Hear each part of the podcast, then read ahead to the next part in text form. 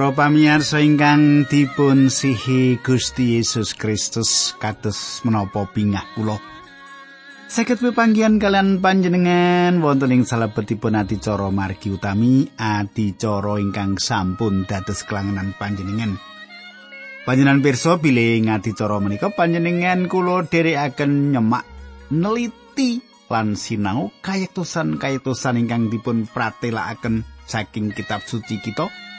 Lan ugi nderekaken panjenengan supados panjenengan nyemak saben kayektosan kayektosan menika. Pangajeng-ajeng kula panjenengan nampeni berkah kasukman ingkang terus kegiatan batin manah panjenengan. Monggo nyaket kalian kula mriki lan sugeng midhangetaken adicara menika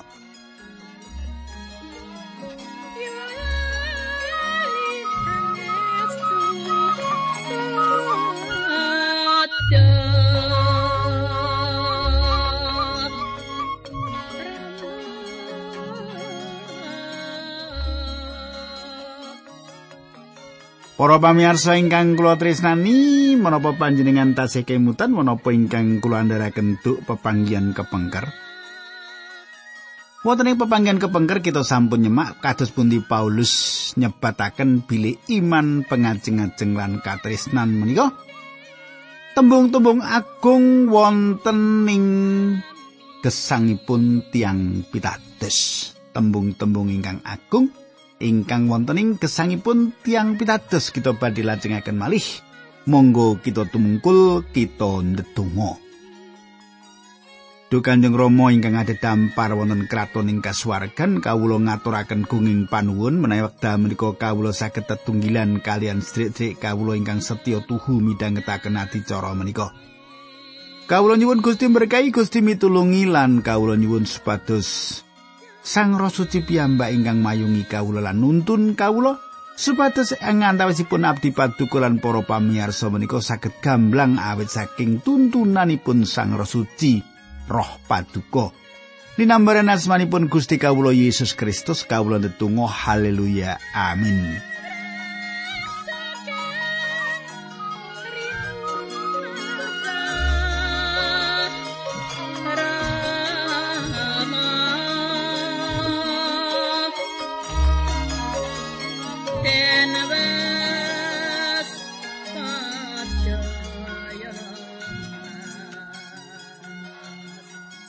Para pamirsa, pasal 13 sampun paripurna.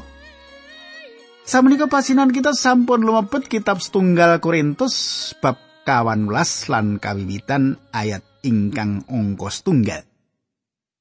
Makatan surasipun pangandikan panjenengan semak padha nggayuwa marang katresnan lan ganjaran-ganjaran saka Sang Roh luwih-luwih peparing bab medar wangsit. Para pamirsa, kita kedapi kantuk ganjaran-ganjaran kasukman. Pamedar wangsit leripun inggih menika martosaken pangandikanipun Gusti Allah. Mucalaken pangandikan menika kanthi gampil lan mucalaken pangandikan menika kanthi kalantipan. Paulus bentenaken bedakaken antawisipun ganjaran-ganjaran ingkang dipun paringaken Sang Roh kalian woh-woh roh. Woh-woh kasukman. Woh roh utawi woh kasukman inggih menika katresnan, kabingahan, katentreman lan sanes-sanesipun. Kulo gadah pengajeng-ajeng saged ningali langkung kathah woh roh ing salebetipun gesang tiang pitados lan ing salebetipun badan kula piyambak. Namung Sang Roh Allah ingkang saged ngasilaken woh ing salebetipun gesang kita. Namung sang roh Allah ingkang saged ngasilaken woh ing salebetipun gesang kita para pamirsa tembung salajengipun luwih-luwih peparing bab medar wangsit. Tembung salajengipun wonten ing ayat kala wau tembung-tembung peparing-peparing bab medar wangsit. Sejatosipun Paulus nyupi mbucal pikiran pesaman Korintus saking anggenipun nengenaken basa roh. Ing salebetipun pasal saderengipun Paulus meratelaken bilih basa roh menika badhe mandek kasigek. Tembung menika sami ingkang kita tingali ing margi tol. Polisi lalu lintas nate nyukani mangertos kula bilih stop STOP liripun mandek. Kulo kuatos kathah tiyang ingkang boten mangertos menapa ingkang dipun pratelakaken Paulus sing mriki inggih menika basa roh bakal kasiget. Perlu kita katasaken bilih Gusti Yesus mboten nate ngginakaken basa roh. Gusti Yesus mboten nate ngginakaken basa roh. Mboten wonten seratan para rasul bilih ing dinten Pentakosta menika wonten basa roh. Kita mboten gadah seratan sejarah gegayutan Rasul Paulus ngginakaken basa roh utawi khotbah ing pundi kemawon kanthi ngginakaken basa roh sinaosa kita mangertos saking ayat 18 menawi Paulus saged basa ilat sebab piyambakipun mekaten. Aku saus syukur marang Gusti Allah tininggonku ngucapake basa roh iku ngluwi kowe kabeh. Kita lajengaken ayat kalih Sapa kang ngucapake basa roh iku pangucape ora tumuju marang manungsa nanging marang Gusti Allah. Sebab ora ana wong kang mangerti basane wong iku pangucape bab-bab kang winati merga saka sang roh.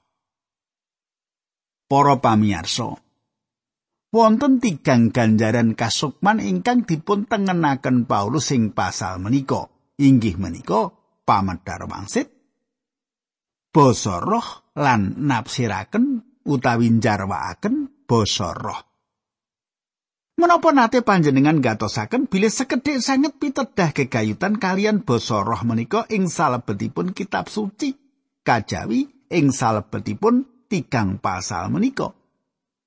Cornelius lan keluarganipun ginakaken basa roh.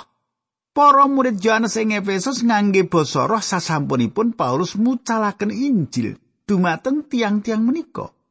wonten tiyang ingkang ginakaken basa roh ing dinten Pentakosta ing wekdal Injil kawartosaken dumateng bangsa Israel. Wonten ingkang basa roh ing griyanipun Cornelius ing wekdal Injil dipun pratelakaken dumateng tiang sanes Yahudi. Wonten tiyang ingkang basa roh ing Efesus ing wekdal Injil dipun wartosaken dumateng saindengipun bumi. Samenika kita lajengaken ing setunggal Korintus 18 ayat 3. Balik sapa kang medhar wangsit iku anggone ngucap marang manungsa awujud pambangun pitutur sarta panglipur. Panjenengan katosaken Paulus nengenaken ganjaran kasukman pamedar wangsit.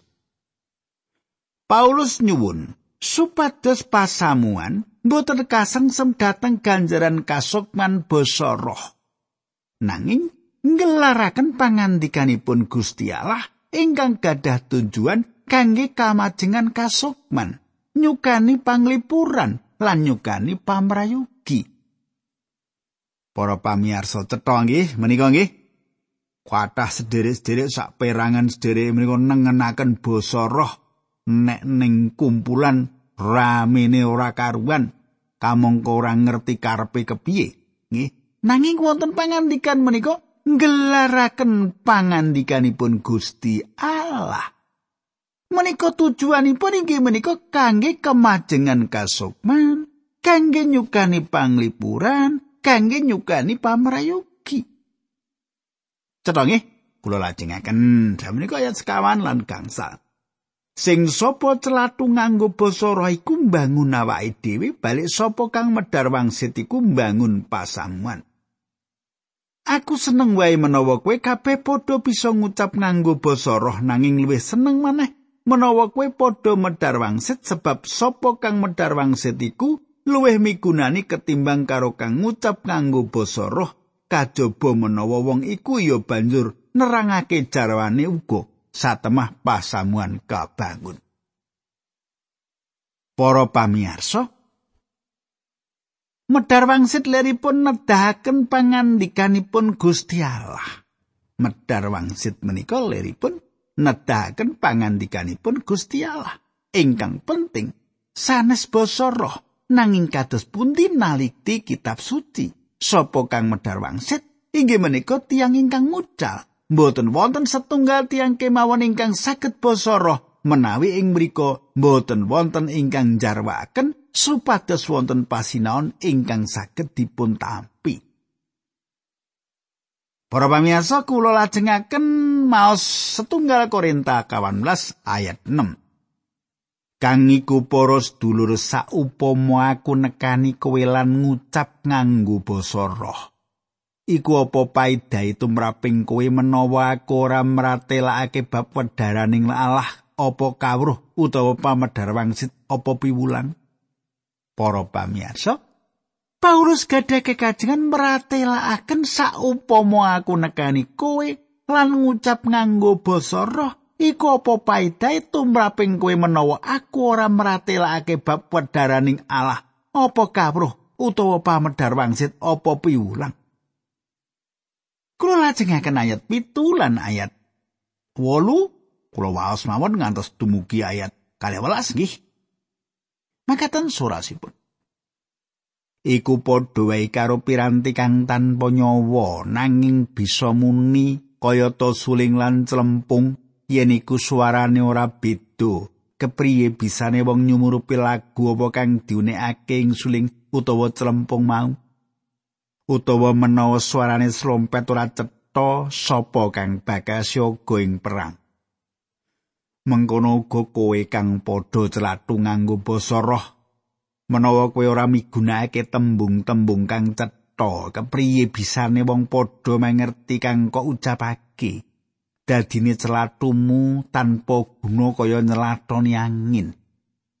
Akeh warnane basa ing jagat iki mbuh pira cacahe ewa semono ora ana siji wae ing antarane basa-basa mau kang tanpa teges. Nanging menawa aku ora ngerti marang basa mau aku ora ateges dadi wong manca tumrape wong kang migunakake basa iku lan wong iku dadi wong manca tumrape aku mengkono uga kowe kowe pancen padha gayuh marang peparingi sang roh nanging luwih becik meneh padha ngudiya supaya kowe bisa migunakake kanggo pambanguning pasamuan. Para pamiyasa kathah sanget basa ing jagat menika. Kathah! Nanging sesambetan boten nate dumados antawisipun manungsa ingkang basanipun boten sami. Menawi panjenengan ngendikan ginakaken basa sanes sing salebetipun gereja kados pundi, prakawis menika saged majokaken kasukmanipun pasamuan, kerohaniannya pasamuan. Inggih menika perkawis ingkang penting. Menapa menika mbangun pesaman utawi mbangun tiang pitados? Menapa basa ingkang panjenengan ginakaken menika mbangun pasamuan utawi mbangun tiang pitados. Kula waosaken ayat 13.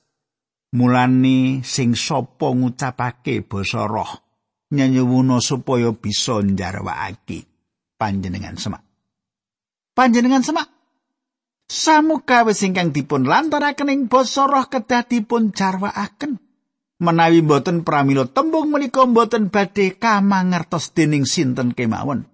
menawi ingkang celaton boten saged njarwakaken pramila kedah wonten tiang sanes sing mriku ingkang gadah ganjaran njarwakaken ayat 18 sebab yen anggonku ndedonga nganggo basa roh iku rohku kang ndedonga nanging akal budiku ora melu ndedonga para pamirsa Inggih menika jawaban kangge tiang-tiang ingkang sanjang pilih anggenipun ginakaken basa Roma menika kangge ibadah pribadinipun.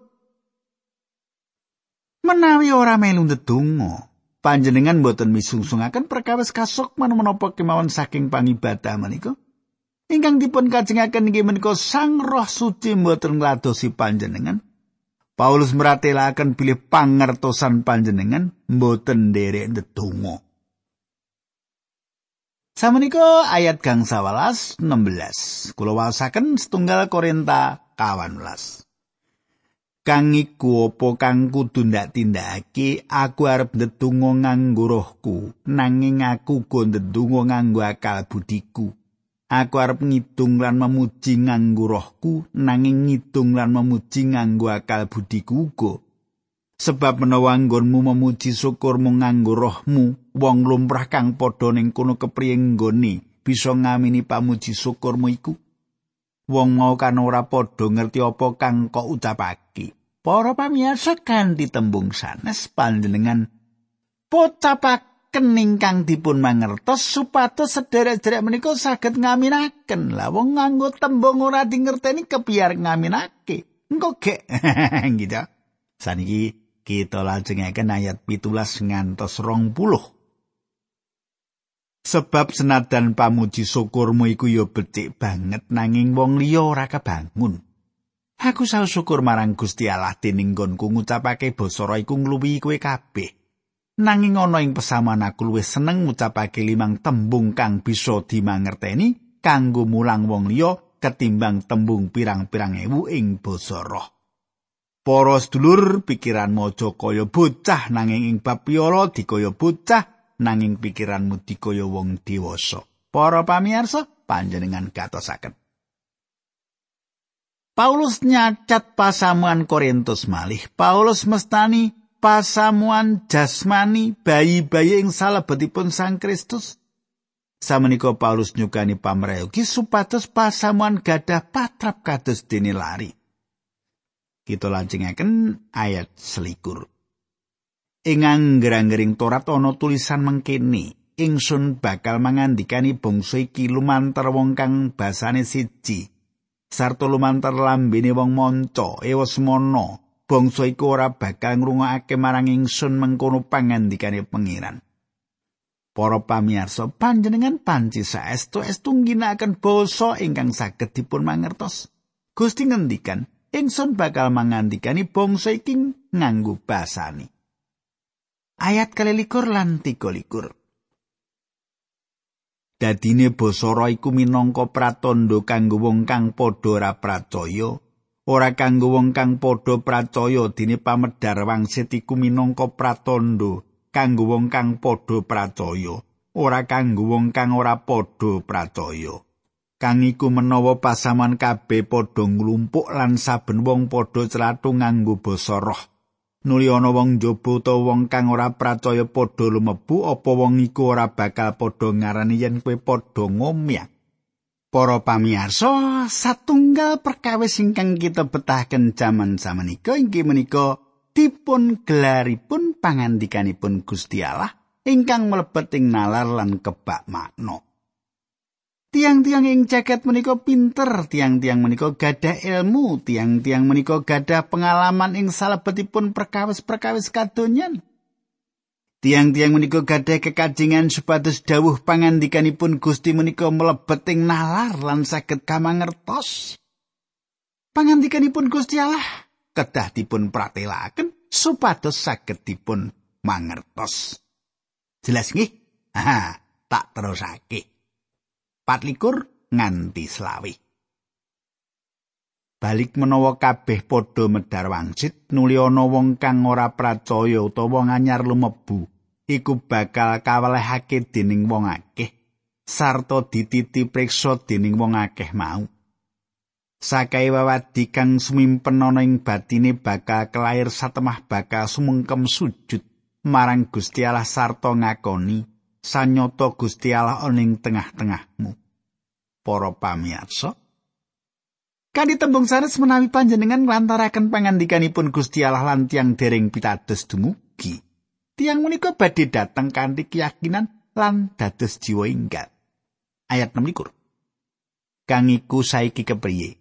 Para sedulur, semongso kowe padha kumpulan saben wong padha nyaosna pisungsung kang siji Mazmur sijine piwulang utawa daring Allah utawa paparing basa roh utawa njarwakake basa roh nanging kabeh iku mau katindakno kanggo bangun para pamirsa